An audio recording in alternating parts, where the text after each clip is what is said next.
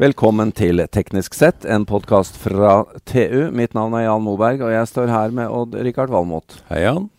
Hei, Odd-Rikard. Du, jeg har spurt deg eller stilt deg det spørsmålet tidligere om hvor mange mobiltelefoner du har hatt. Og det kan du ikke svare på. Nei, jeg kan ikke det. Nei, Men hvor mange Huawei-telefoner har du hatt, da? Nei, Jeg kan ikke svare på det heller. Det er det mange, heller? det er mange igjen. Ja. Husk på å teste mobiltelefoner uh, Ja. ukentlig. Jeg vet Det er så mange. Ja, men jeg vet at, uh, at uh, akkurat når det gjelder Huawei, så har du en historie hvor det første du fikk teste som kom derfra, det var ikke veldig brukelig. Ja, altså Det var veldig øh, flott, husker jeg. Det mange år siden nå. Uh, og det var Det var litt sånn sterkt design fra Apple og sånn, men det var, det var fl flotte greier. Men når vi målte ytelsen på den, så var den jo helt øh, Du lo, du lo altså, så, så, så tala. Det var prosessoren, Kirin-prosessoren, som de da hadde begynt å utvikle. Ja. Den var ikke mye futt i, altså. Men Nå så, så er den plutselig best. Ja. Altså Det ble den for noen år siden. Så nå er det de andre som driver ketsjup. Men så har jo det skjedd at amerikanere nå prøver å legge øh, hindringer i veien på det også. På at de skal få utvikle Det har jo pågått en stund. Ja. Og det, det, jeg var jo besøkte faktisk Huawei for tre år siden nede i Shenzhen. Mm. Og um, da fikk jeg litt sånn voksenopplæring. Men, men dette selskapet var jo har blitt veldig store også på alt fra superdatamaskiner til basestasjoner og masse bakenforliggende infrastruktur. da, Ja, og PC-er nå, ikke sant? ikke sant? Full rulle. Så, så det, er jo, det er jo spennende å, å se den veksten og forbedringen de har hatt. Mm. Men jeg tenkte vi skulle ta utgangspunkt i litt i dette du sier. De har jo blitt en skyteskive for eh, spesielt for amerikanerne. Men meg bekjent så er det fortsatt ikke funnet noen smoking gun. Nei, jeg har ikke hørt om det. Da, hadde, vi, hadde vi funnet det, da hadde vi hørt det, da. Ja, det er det jeg lurer litt på òg, da. Og, Ja. så, og så skjønner jo jeg også at det er vanskelig med disse systemene hvor du blander hardware og software og finne, og finne smoking gun, men, men det ville jo vært, eh, det ville vært rart om ikke, hvis det var noe konkret, at ikke det hadde kommet fram. Men vi er jo interessert da, å høre hvordan det er å jobbe og sitte i et selskap som dette, som får all, eh, all eh, denne vreden mot seg. og vi har jo med oss eh, direktør for Norden og Baltikum i nettopp Huawei, Kenneth Fredriksen. Velkommen. Takk for det. Du hører Odd-Rikard har fulgt dere fra starten omtrent. Ja, i hvert fall en god stund. Det er, Ja, ja. det er hyggelig at man har fått med seg eh, fremgangene som har blitt gjort da, på, Ja. på smarttelefoner spesielt. da. Ja, jeg, vet, jeg har lyst til å legge til at grunnen til at vi fikk en sånn uh, utrulling av mobilnett i Norge, det var jo at Telenor fikk kjøpt øh, mye billigere hardware av Huawei. Mm. Og det gjorde også Telia. Så de har jo mye av æren for at vi virkelig klarte å Ja, bygge ut nettet og- fort. Det er også viktig å si, da. Da må du korrigere meg, Kenneth. For Ja. nå, her trenger vi voksenopplæring. Men det bygges ut 5G-nett i Norge i dag. Og, og Telenor bruker jo fortsatt som én leverandør av to eller flere eh, Huawei-produkter til å bygge ut dette nettet. Det stemmer, det? Det stemmer, det. Ja. Men uh, Kenneth, når du, du har jo, etter det jeg skjønner, så er du en av de veldig få, kanskje den første fra Norge, som har en sånn jobb å være ansvarlig for hele Norden og Baltikum i, i, et så, i, i Huawei. De pleier jo å bemanne dette med egne, egne nasjoner, holdt jeg på å si. Ja, men Det er jo vanlig i store internasjonale konsern at eh, hjemmemarkedet er, er hovedleverandør av eh, ledere. Ja. I hvert fall i en tidlig fase av internasjonalisering. Så ja, ja, det stemmer jo at jeg er eh, en av de få eh, skal man si, ikke-kinesiske eh, lederne i selskapet. Men hvordan er det å stå i denne stormen, da? Nei, på mange, altså Det er jo fantastisk interessant og spennende. Det er jo en erfaring som man kanskje sjelden eller aldri får muligheten til å ta del i igjen. da. Og så er det selvfølgelig Det gir oss eh, hva skal jeg si, en bekreftelse på at vi, vi er blitt veldig gode i det vi gjør. da, Når uh, andre bruker såpass mye energi på å, ja, å påstå ting om oss for å begrense vår uh, fremgang. Ja, man kan jo lure litt på hva er uh, egentlig grunnlaget til at amerikanere setter så mye inn på å stoppe Huawei. Er det for at øh, de mistenker øh, spionasje, eller er det for at de prøver å begrense dere som teknologiledere, som dere har blitt på en del områder? Nei, altså Initielt så forsøkte de å drive en, uh, en, kampanje som var fokusert på at vi var en sikkerhets, sikkerhetsrisiko. Det fikk jo ikke gehør. for Som dere var inne på, så har det jo ikke blitt levert noen smoking gun eller noen beviser på den påstanden. Nå er det vel mer og mer åpenbart for, for de fleste at det her dreier seg om en agenda fra amerikansk hold til å opprettholde sin posisjon i verdikjeden. de ser jo at Altså, de har jo vært ledende teknologisk i de siste tiårene, som selvfølgelig har satt dem i den posisjonen i verdikjeden som de mm. har hatt. Uh, å være på toppen er jo behagelig og komfortabelt, det. Da får du makt over resten av verdikjeden, som du kan selvfølgelig utnytte i egen vinning når du ønsker det. nå ser du jo at det er aktører, da, som bl.a. oss kanskje spesielt, da, sånn teknologisk sett er i stand til å utfordre uh, den posisjonen. Og det, det, ønsker de ikke, da, fordi det her dreier seg ikke om uh, bare altså, ren teknologi. Det, det, teknologi er jo blitt uh, det viktigste kontrollpunktet i, for, for, egentlig alt, og det kommer til å bli enda viktigere. Og, og Derfor så, så, ønsker man jo å forsøke å stagge da, utfordrere. det er min sånn veldig generelle ja. konklusjon på det som skjer. da, men... Ja, Det ser sånn ut fra veldig mange hold nå, altså at det er en slags sånn teknologivariant av en kald krig som er i ferd med å uh, rulles ut. Hvor uh, lederen har blitt utfordra mer enn de liker. Ja, altså når, når, teknologi har blitt så viktig som den har blitt, det er jo ikke bare å levere eh, gode mobilnettverk det er snakk om lenger, eller en god mobiltelefon. Det, jo, det, gir deg jo kontroll og makt forskjellige, innenfor forskjellige områder. Geopolitisk, politikk, eh, militærmakt eh, er jo kontrollert eller avhengig av teknologi. Mm. Eh, og da, jo, da, har det jo blitt veldig viktig da, å opprettholde opprettholde den uh, posisjonen på toppen. fordi da har du muligheten til å, å ja, ivareta egne interesser i større grad. Da. Men uh, Odd Rikard, det er jo også sånn at uh, dette har vært omskiftelig lenge. Altså, det er riktignok noen år siden nå, men Nokia var en leder. Uh, Eriksson, Sony altså Nå snakker vi om mobiltelefonsegmentet. da. Jo, Men da var det ikke og, sånne skifter og, som kom. ikke sant? Og Motorola. Uh, amerikanerne har hatt det. Uh, er, kan vi Kommer dette til å fortsette? Eller, eller uh, altså, Amerikanerne har tapt noen posisjoner. Nå ikke, ja, det har de gjort. ikke nevnt Apple. Den Nei, du har ikke gjort det. fortsatt en, ja. en kjempestor ja. posisjon. Ja. Og som kanskje har skapt mest furore i dette markedet de siste 20 åra. Men likevel, da. Det er jo et skifte av uh, hvem som er teknologileder på Nokia, flere segmenter. Nokia tapte jo egentlig mot Apple.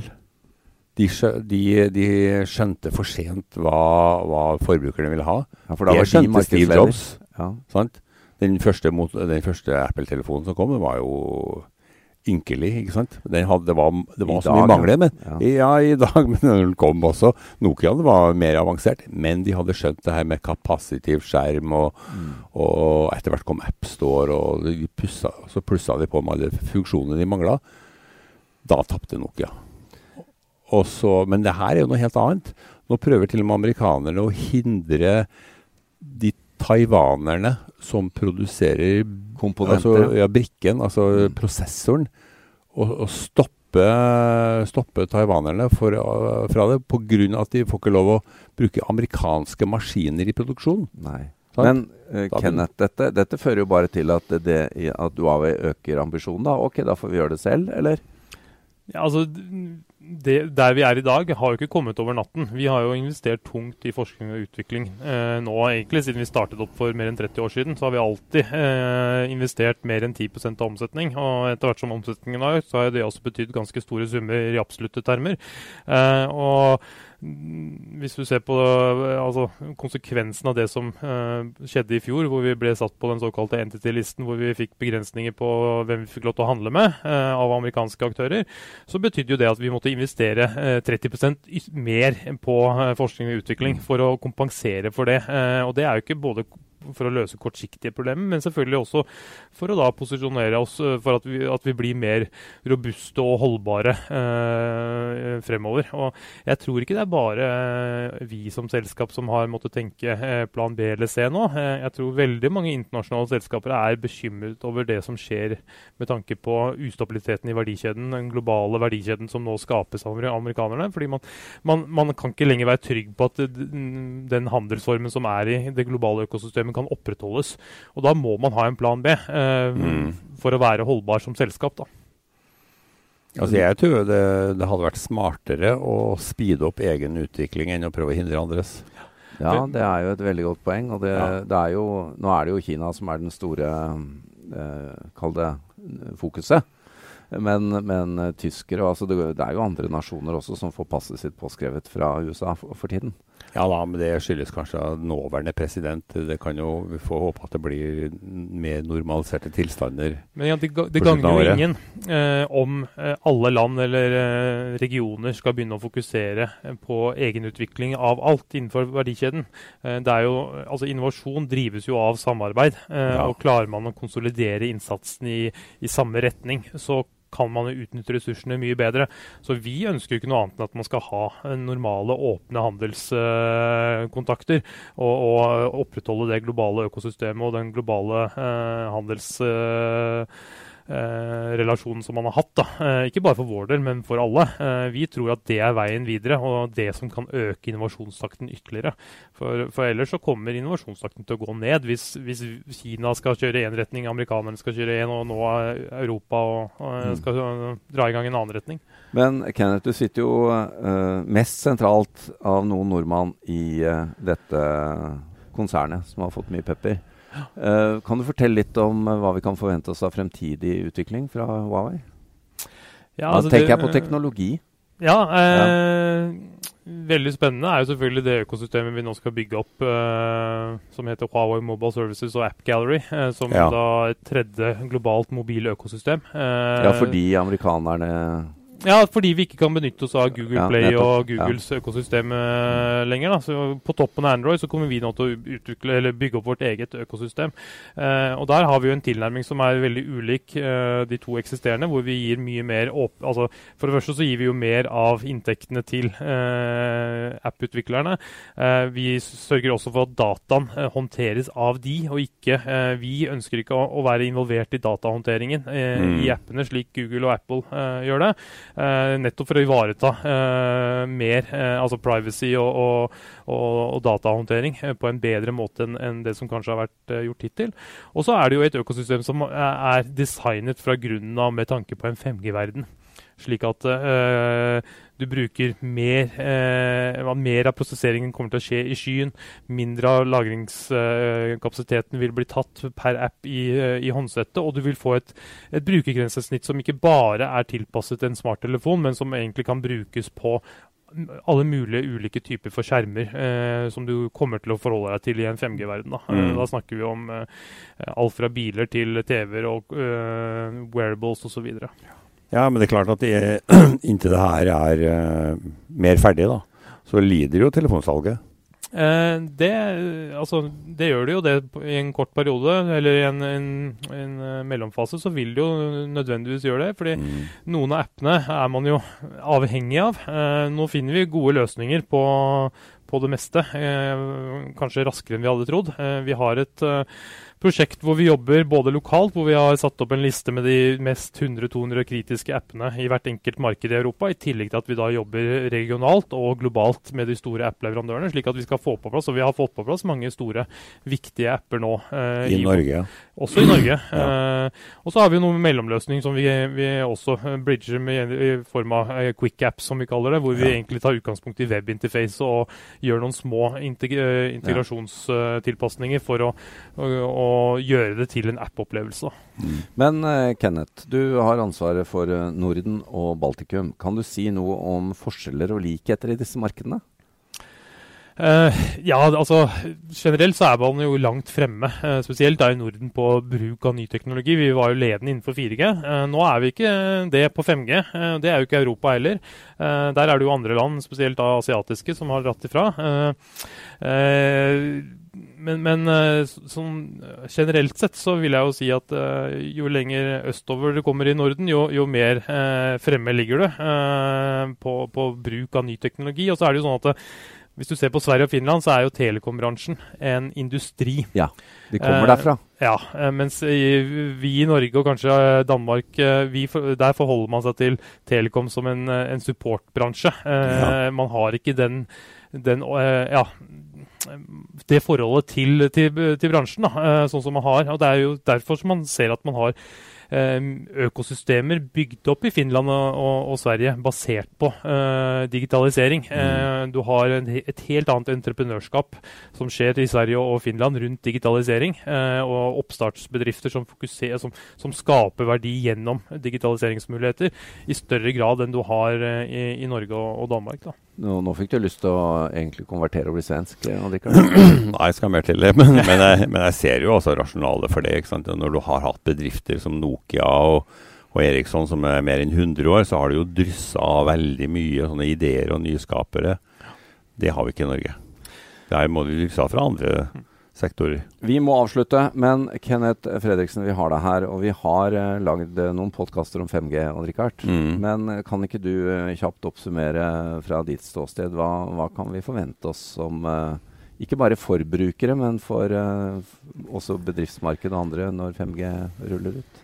Ja, altså For forbrukere så kommer alle eksisterende tjenester til å bli bedre. Eh, de kommer til å bli raskere, de kommer til å bli mer, eh, altså høyere respo bedre responstider osv. Så, videre, så du kommer til å ha bedre brukeropplevelser. Eh, det som er den store forskjellen mellom 4G og 5G, er jo at 5G eh, er et industrielt nettverk primært. Eh, det skal støtte industriene.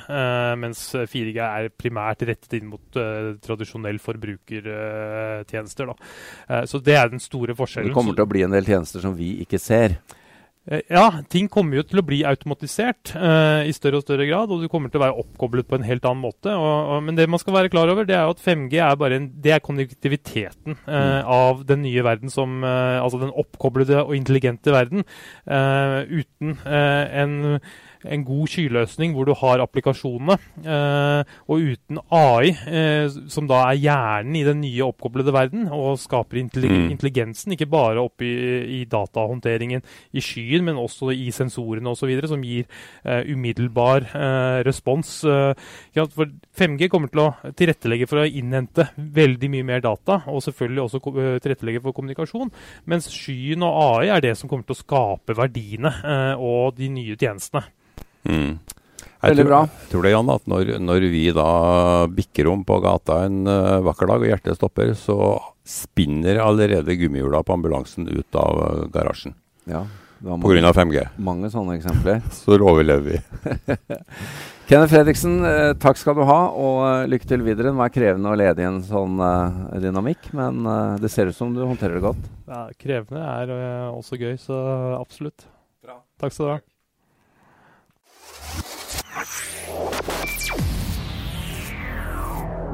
You